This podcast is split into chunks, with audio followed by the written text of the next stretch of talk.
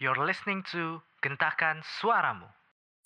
Halo Sobat Genta, kembali lagi di podcast Gentakan Suaramu. Nah, pada podcast episode kali ini kita kedatangan satu tamu spesial yaitu Kak Michelle Jasmine atau yang akrab disebut Kak MJ.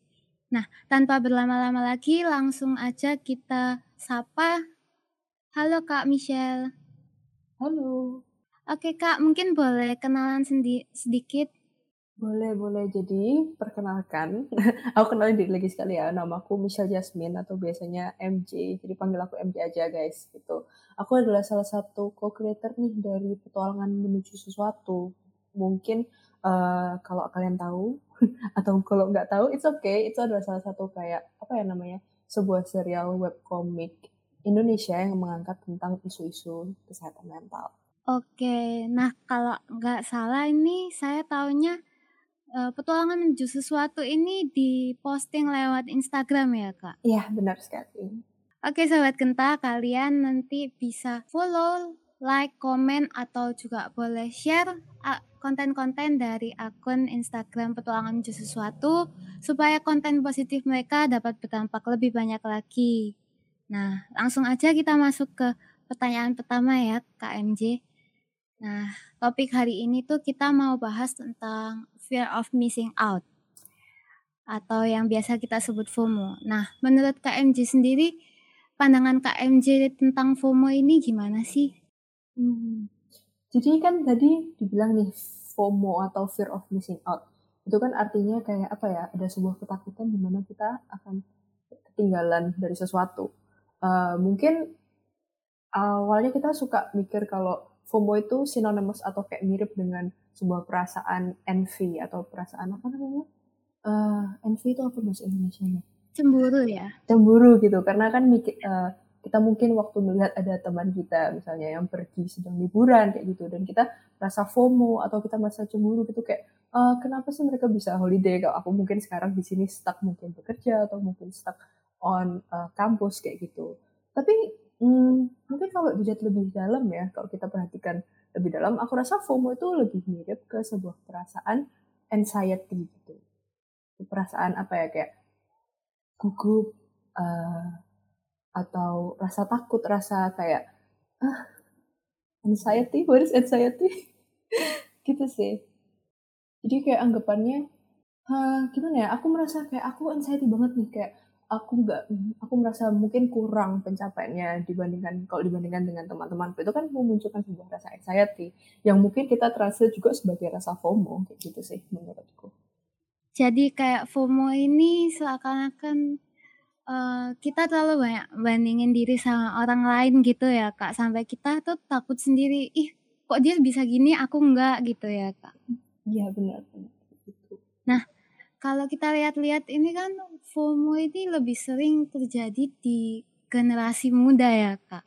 Mm-hmm. Nah menurut kakak itu kenapa sih kok fenomena FOMO ini malah seringnya tuh terjadi di kalangan anak-anak muda? Mungkin karena apa ya generasi muda, generasi kita sekarang mungkin lebih ke kamu umur berapa sih btw? Uh, kita di sini mungkin umur 18 sampai oh. 21 ya. Oke, okay, aku tua sekali merasa. Aku 23 by the way. Um, jadi aku rasa mungkin FOMO ini banyak atau sangat identik dengan gener ada di generasi muda itu karena pertama zamannya udah beda ya. Sekarang kayak uh, in the internet internet age kayak gitu, the digital age. Jadi semuanya itu terasa kayak dekat, terasa cepat. Um, everything is here. Terus kadang uh, juga banyak kayak um, information overload kayak gitu. Tapi sebenarnya I, I feel like FOMO itu ada udah ada dari zaman zaman dahulu. Mungkin bukan disebut sebagai FOMO sih. Tapi um, FOMO itu bukan kayak sebuah fenomena baru. Cuman kayak kita aja yang kayak generasi-generasi muda ini yang menamakan dia itu sebagai FOMO atau fear of missing out. Bisa kayak gitu. Karena um, FOMO itu sendiri bisa terjadi. Nggak harus waktu kamu ngebandingin diri dengan temanmu ngebandingin diri dengan orang-orang lain yang mungkin kamu anggap lebih sukses. Tapi FOMO itu juga bisa datang dari keluarga sendiri gitu loh anggapannya. Kayak mungkin waktu dulu kecil kayak dibanding dibandingin oleh orang tua kayak ah temanmu dulu ini temanmu ini kok dapat nilai A kamu kok nggak bisa. Itu bisa menjadi salah satu kayak apa ya wujud dari FOMO I guess. Cuman untuk zaman sekarang uh, fenomena FOMO-nya cukup beda sih, lebih ke arah um, apa ya, lebih banyak yang ke arah ke social status gitu sih. Kayak um, sekarang aku sebagai anak muda aku nggak mau dong jadi apa tiba-tiba nggak relevan atau tidak mengikuti tren-tren yang terjadi di sosial media lebih ke arah itu. Menurut kalian setuju nggak? Ya itu sebenarnya pergumulan yang banyak dihadapi anak-anak muda ya gara-gara sosial media ya kak. Mm -mm. Jadi hmm. menurut kakak sosial media ini sangat berperan besar gitu ya? Hmm, berperan Sampai... besar uh, dalam apa ya fenomena FOMO, apalagi kayak uh, fear-fear atau atau ketakutan-ketakutan yang mungkin tidak dirasakan oleh generasi-generasi sebelumnya kayak gitu. Kayak ada nggak sih social structure yang sebegitunya di zaman mereka yang tidak ada internet gitu dengan sekarang yang ada internet kayak kamu mungkin post satu video you can be very viral and then mungkin besoknya udah you're gone gitu. Iya bener banget kak. Gara-gara kita bisa tahu keadaannya orang lain kayak lebih cepat. Mm-hmm. Jadi kita juga merasa banyak ketinggalan karena makin banyak bandingin diri sama orang lain di internet ya kak. Benar. Nah kalau menurut KMJ ini cara menyikapi FOMO itu supaya baik gimana ya? Karena kan FOMO juga nggak selalu ya kak konotasinya itu negatif gitu ya. Hmm bener sih FOMO itu nggak selalu apa ya eh, nggak selalu negatif mungkin bener kamu merasa uh, takut untuk ketinggalan tren-tren yang ada atau ketinggalan itu ditinggalkan oleh teman-temanmu kayak misalnya mendatangi sebuah tempat baru gitu. Cuma FOMO bisa juga datang dalam apa mewujudkan diri dalam sesuatu yang cukup positif dalam dalam tanda kutip gitu. Um, seperti misalnya waktu hmm, kamu tidak ada keinginan untuk pergi keluar nih misalnya. Tidak ada keinginan untuk pergi melakukan sesuatu kamu cuma pengen di rumah. Tapi dari ada sedikit rasa kamu yang ngomong ke kamu kayak I need to go out to do something. Dan kadang-kadang ada kalanya uh, kamu pergi keluar tuh kamu pergi keluar rumah itu lebih baik daripada kamu ting kayak berdiam di dalam rumah. Mungkin tidak dalam keadaan kondisi pandemi kemarin gitu. Um, mungkin uh, sometimes walking in the park kayak jalan-jalan melihat taman itu good for you mentally daripada berdiam di rumah kayak gitu. Jadi itu mungkin salah satu contoh di mana FOMO itu menjadi hal yang cukup positif dan bisa disikapi dengan baik. Itu mungkin seperti itu sih. Salah satu contohnya, I think. Jadi uh, kita harus menyikapi FOMO ini caranya uh, dengan memandang sisi positifnya, gimana FOMO ini bisa mendorong kita buat maju. Apakah begitu, Kak? Iya. Yeah. Yeah, tapi everything is also kayak ada in moderation ya. Jangan kayak anggapannya, oh ya aku harus keluar terus, keluar terus. Keluar terus gak pernah di rumah. Sama aja dong. It's not good for you. Kayak mungkin secara financially, mungkin secara physically, who knows. Gitu. Jadi meskipun ada sisi positifnya FOMO, pasti everything itu needs to be in moderation. Ada apa ya balance, balance it gitu. Lalu ada satu kayak istilah lain kak itu namanya mindfulness mhm. jadi kalau ditilik lebih dalam itu mindfulness sangat bertolak belakang sama yang namanya FOMO di mana mindfulness itu ngajak orang-orang buat living the moment menikmati hidup yang kamu punya sekarang daripada kamu tuh ngejar-ngejar hal-hal yang kayak dicapai orang lain kayak pencapaian orang lain aku kok belum gini aku kok belum gitu. Nah daripada kayak gitu mindfulness ini ngajarin kita buat udah nikmati dulu aja hidupmu. Jadi uh, hidupi aja hidupmu sekarang. Nah menurut kakak tanggapan KMJ tentang mindfulness ini kayak apa? Hmm, bener sih yang tadi uh, kamu bilang tuh kayak mindfulness itu sebuah apa ya kayak practice atau kayak mengajarkan diri sendiri anggapannya gitu untuk uh, menjadi more present atau lebih mem memperhatikan apa yang kamu lakukan sekarang kayak gitu sih kayak um, dengan tujuan untuk membuat kamu untuk apa ya tidak distract yourself dengan hal-hal yang ada di luar sana kayak gitu. And, dan itu salah satu practice mindfulness itu juga bisa dilakukan dengan melakukan meditasi gitu. Um, dengan mindfulness itu benar kita bisa belajar untuk apa ya fokus dengan task at hand. Anggapannya kayak kita bisa fokus dengan uh, pekerjaan sekarang kayak gitu. Eh, dan kalau anggapannya bisa ke kebalikan dari FOMO gitu ya kayak um, kamu lebih fokus on you and what you're doing on yourself daripada FOMO yang anggapannya kamu fokus ke orang lain dan apa yang mereka lakukan. Kayak gitu. Um, aku rasa mindfulness itu um, salah satu cara yang very cool untuk menanggapi perasaan-perasaan FOMO yang mungkin muncul dalam uh, diri orang, right? Karena kayak anggapannya ke, kalau itu kebalikan dari FOMO, kalau kamu uh, mendatangkan mindfulness ke hidupmu itu anggapannya kayak kamu mengurangi FOMO-mu gitu. Yes, itu juga salah satu yang ingin saya tanyakan ke kakak next ini. Jadi mm -hmm karena mindfulness ini sangat bertolak belakang sama FOMO ya kak. Mhm. Menurut kakak, apakah mindfulness ini bisa jadi solusi buat orang-orang supaya nggak fear of missing out? Kalau bisa juga kenapa gitu? Sebenarnya mindfulness dan juga meditation tuh mungkin apa ya kayak first step di mana kita bisa mungkin kayak uh, menghadapi perasaan-perasaan FOMO itu. Tapi untuk untuk benar-benar kayak apa ya menangani dari akarnya tuh ya pasti kamu harus ngelihat dari relationshipmu sendiri dengan mungkin social media itu sendiri sih. I think. Karena kan FOMO itu anggapannya datang dari social media. Kalau kamu sudah menyadari kamu ada FOMO dan mungkin first stepnya untuk menangani itu adalah kamu belajar meditasi dan juga belajar untuk mindful. Um, it, it's, a, it's already a very amazing step kayak gitu tapi lama kelamaan kamu perlu untuk juga belajar uh, dan memahami juga relationshipmu. Uh, kayak sosial media ini apa sih artinya dalam hidupmu? Apakah sosial media itu uh, memegang apa ya kayak social media is like wrap around social media finger gitu. Kayak kamu anggapannya budak dari social media atau enggak? Begitu itu mungkin pertanyaan-pertanyaan yang mungkin akan muncul setelah kamu kayak uh, memahami sedikit tentang meditasi, sedikit tentang mindfulness kayak gitu. Karena semuanya nggak bisa uh, FOMO itu nggak bisa tiba-tiba hilang karena waktu kamu kayak belajar meditasi atau waktu kamu belajar mindfulness itu nggak bisa hilang gitu aja. Hmm, kamu harus kayak nangani FOMO itu dari akar permasalahannya kayak gitu sih. Jadi menurut KMJ sendiri, apakah FOMO ini akar permasalahannya adalah sosial media?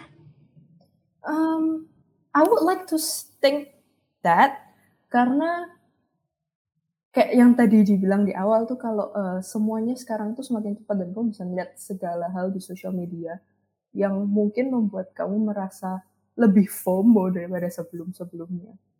gitu. Jadi sosial media ini kayak menambah gitu ya perasaan fear of missing out ini sendiri. Mm-hmm. Nah, kalau tadi KMJ sebut itu mindfulness itu bisa buat ngatasin FOMO-nya ini. Nah, Selain meditasi, gimana sih caranya supaya mindfulness ini bisa diterapkan sama sobat genta dalam kehidupan sehari-hari? Jadi cara penggunaan statement mindfulness ini supaya nggak salah kaprah itu kayak gimana? Hmm, uh, sebelum aku kayak ngasih tahu mungkin gimana cara aku atau gimana apa cara meditasi atau mindfulness yang diajarkan ke aku itu sebelum aku kayak ngasih tahu tuh mungkin uh, aku malah harus ngasih tahu kalau um, aku bukan pakar mindfulness gitu. Aku bukan seseorang expert dalam bidang mindfulness dan meditasi. Uh, pastinya mungkin kalian perlu juga cari resources resources lain yang akan membantu uh, kalian untuk nemuin kayak bentuk atau kayak cara mindfulness gimana atau cara uh, meditasi gimana yang akan bermanfaat ke kalian sih kayak gitu. Kalau yang aku dapatkan ya dari uh, dari kayak mendengarkan talk show talk juga dan juga diajarkan di talkshow tersebut tentang mindfulness, um, aku diajarkan untuk kayak take a moment untuk berhenti sejenak sebelum aku mau melakukan sesuatu. Kayak misalnya, misalnya kayak aku mau mau makan, misalnya mau makan. Uh, mungkin aku akan uh, take waktu sebentar untuk untuk kayak berhenti sebentar sebelum melakukan makan itu dan kayak nih apa ya dan be aware of kenapa sih aku mau makan sekarang anggapannya kayak gitu um, aku mau makan karena aku lapar atau kok aku cuma bosan dan pengen ngunyah sesuatu. Gitu sih. Kayak mau nyemil sih jangan jangan makan deh nyemil. Gitu kan. Kadang kalau kamu snacking uh, aku juga aku suka kayak berhenti sejenak kayak berpikir kayak snacking ngapain ya? Bosen. Atau aku mungkin lapar. Atau mungkin kayak aku gak ada kegiatan makanya aku mau snacking. Nah di saat kamu berhenti itu kayak kamu akan aware tentang apa uh, activity yang akan kamu lakukan dan itu bisa menjadi salah satu kayak cara di mana kamu bisa practice mindfulness kayak gitu jadi kita harus take moment buat nyadari kebutuhan diri kita sendiri. Kayak gitu, Kak? Ya, yeah, take a moment to, ya yeah, take a moment kayak to take in apa yang akan kamu lakukan gitu kayak, oh sekarang aku mau bekerja. Oke, okay, I'm getting kayak I'm getting ready to work gitu. Anggapannya kayak preparing yourself to to do your like to go to work anggapannya kayak gitu. Lalu gimana sih caranya kalau dari take a moment itu, dari mindfulness itu, menurut kakak mungkin boleh sharing pengalamannya kakak juga ya. Gimana caranya mindfulness itu berperan buat menyadarkan diri seseorang supaya mereka itu nggak ikut-ikutan sama cepetnya arus FOMO. Karena kalau kita lihat kayak arus FOMO itu cepet banget beredarnya. Dan kalau misalnya kita bilang, udah nggak usah, take a moment aja, nggak usah diikutin. Itu mungkin kalau diomongin mudah, tapi kalau dilakuin sulit karena dalam hati terkecil pun pasti seseorang itu takut untuk ketinggalan. Nah, menurut kakak gimana caranya mindfulness ini berperan besar buat nyadarin seseorang menyadar, menyadarkan diri mereka supaya nggak ikut-ikutan arus FOMO? Dalam caseku ya, waktu aku melakukan kayak practicing mindfulness dalam hal sesederhana mungkin kayak berhenti sejenak sebelum melakukan sesuatu itu aku kayak men mendapatkan atau kayak menyadari goalku apa dalam melakukan hal ini. Begitu sih. Misalnya um, aku mengerjakan tugas nih mengerjakan tugas dulu di kampus gitu. Take a moment untuk kayak bersiap-siap dan aku um, mendapatkan kayak goalku apa sih supaya aku bisa menyelesaikan kayak goalku apa? Waktu aku nyelesain tugas ini tuh pasti akan ada sesuatu akan ada next step and next step and next step again gitu. Nggak akan ada nggak akan berhenti kalau aku nggak ngeset goal dari awal. Dan itu juga uh, cukup mirip dengan apa ya kamu bisa ke ketarik ke arus FOMO itu kalau kamu nggak bisa ngeset goal dari awal gitu. Karena kalau kamu tidak ada kayak end goal nggak usah kayak end goal yang terlalu jauh-jauh kayak aku mau punya keluarga aku mau misalnya aku mau kaya. Itu kan goal yang sangat besar dan sangat jauh. Cukup kayak dengan goal anggapan weekend ini aku mau pergi ke mall. Itu goal dengan kayak gitu hmm, akan aku untuk aku sih membantuku untuk fokus melakukan kegiatanku sekarang dan tidak uh, tertarik oleh arus-arus FOMO dan bisikan-bisikan dari FOMO itu. Karena ada goal yang ingin aku capai dan cara untuk mencapainya adalah anggapnya menyelesaikan tugasku saat ini dan aku tidak tertarik untuk mengikuti FOMO anggapan FOMO yaitu pergi keluar di tengah-tengah minggu dengan teman-teman seperti itu. Jadi goal-goal kecil yang kita punya, tujuan-tujuan kecil itu sangat bermanfaat ya kak buat menghadapi FOMO ini sendiri. Iya, karena dengan adanya goal kecil tuh kamu merasa bahwa kamu udah ngecapai goal itu. Kalau goalmu besar, uh, kamu perlu waktu yang sangat lama untuk bisa mencapai goal itu dan kayak perubahannya itu nggak bisa kamu rasakan secara langsung kayak gitu.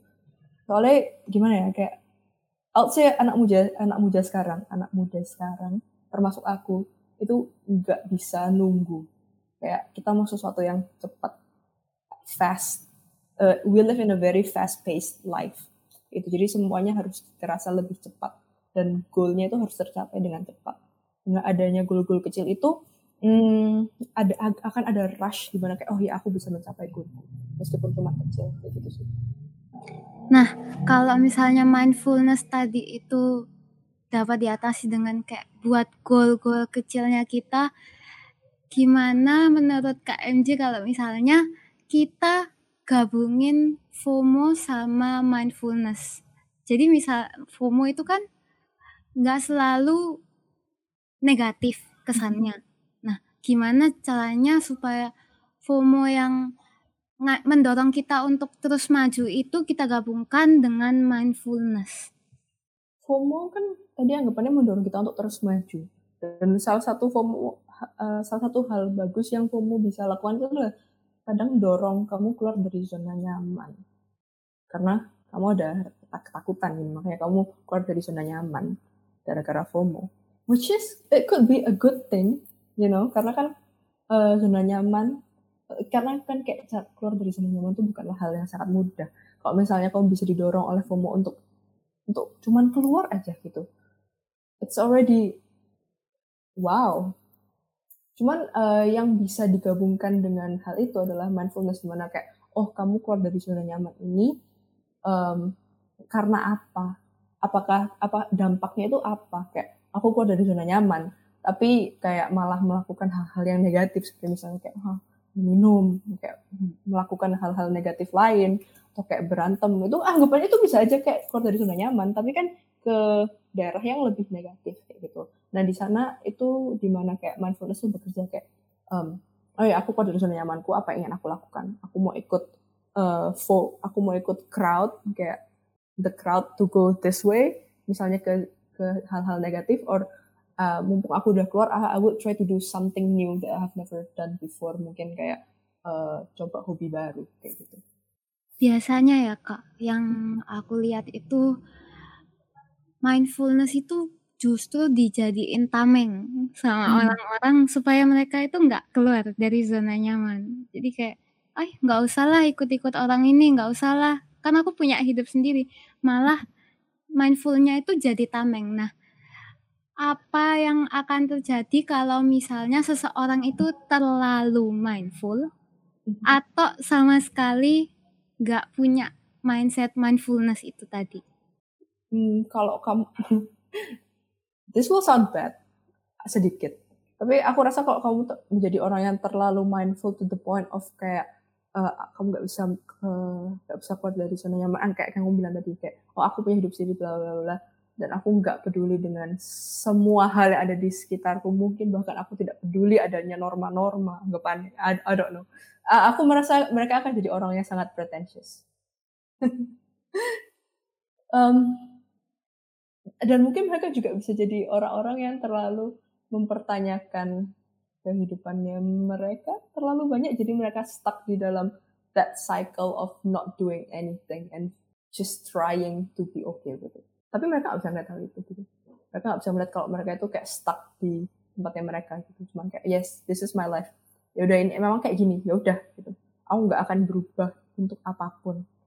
Ini adalah hidupku. Tidak ada kemajuan ya sudah. Aku terima apa adanya. Kayak gitu sih. Mungkin ya kalau kamu terlalu mungkin bukan terlalu mindful, cuman anggapannya kayak ter, uh, translate-nya ke hal yang berbeda atau hal mungkin yang cukup negatif. Aku nggak nggak bisa bilang itu salah, mungkin kayak terlalu banyak lah kan.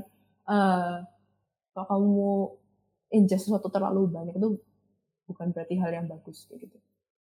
Jadi kayak kalau nggak punya mindset mindful itu juga kayak kita terlalu judge diri kita terlalu banyak sampai kita juga tertekan terus mengganggu hmm. produktivitas gitu ya. Benar benar benar.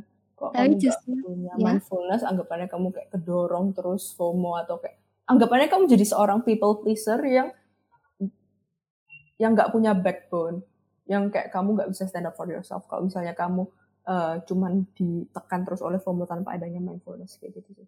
Iya, tapi juga nggak boleh terlalu eh nggak boleh terlalu mindful nggak terlalu mindfulness karena kenapa tadi kak sorry bisa um, iya ya karena mungkin anggapannya kamu akan kalau kamu apa ya aku aku takut salah ngomong nih kalau aku bilang kalau kamu terlalu mindful. Cuman mungkin kalau misalnya kamu ter uh, kamu bisa aja stuck di tempat yang sama terus karena kamu tidak berani menerima uh, tidak berani menerima adanya perubahan. Kayak gitu sih. Jadi jangan dibilang kayak oh kamu terlalu mindful. Mungkin kayak ke arah oh kamu tidak berani keluar dari uh, zona nyamanmu itu karena kamu menggunakan mindfulness sebagai taman untuk perubahan untuk mengatasi adanya perubahan kayak gitu. Oke Kak MJ, mungkin ini yang terakhir. Kak MJ bisa dong kasih sedikit pesan buat sobat Genta yang dengerin podcast ini. Oke boleh. Jadi untuk para sobat-sobat Genta anggapannya, aku pingin kalian tuh untuk bisa apa ya uh, menemukan sebuah goal dan juga uh, bisa mendapatkan resolve dan um, find your way of life kayak gitu. Jadi kamu punya goal, kamu punya resolve itu kayak um, bagaimana kamu bisa settle dengan permasalahan yang mungkin ada di hidupmu dan kamu juga bisa menemukan jalan hidup yang benar-benar ingin kamu hidupi. Karena this is your life, kamu yang menentukan jalan hidupmu ini mau ke mana. Dan yang menjalani hidupnya itu kamu. Jadi kalau kamu tidak bahagia dengan bagaimana, uh, bagaimana hidupmu berjalan, dan why bother? Gitu. Um, jangan takut dengan FOMO, jangan uh, karena kalau kamu punya ketiga hal tersebut, karena kamu ke waktu kamu um, memahami apa yang kamu inginkan dan apa tujuan tujuan hidupmu itu, FOMO doesn't really affect much. It's okay. It will take time. It will take a long time. Mungkin akan uh, makan kayak banyak waktu, mungkin bisa kayak bertahun-tahun. But you will get there. Oke, thank you Kak MJ buat pesan-pesannya, sharingnya yang sangat menambah insight buat Sobat Genta. Nah, itu tadi ya Sobat Genta. Jadi FOMO itu nggak selalu berkonotasi negatif. Jadi kita bisa menghidupi uh, FOMO berjalan sekaligus dengan mindfulness. Nah, uh, buat Sobat Genta, sekali lagi jangan lupa untuk follow like, komen, atau share konten-konten positif yang disediakan di akun Instagram Petualangan Menuju Sesuatu. Buat KMJ mungkin ada tambahan lagi? Hmm, itu aja. Mungkin kalian kalau mau check out our shop di Stuff by Blog. gitu sih. Oke, jangan lupa juga dicek shopnya ya guys. Oke, sekian dari episode podcast Genta kali ini. Sampai jumpa lagi di podcast Genta selanjutnya. 拜拜。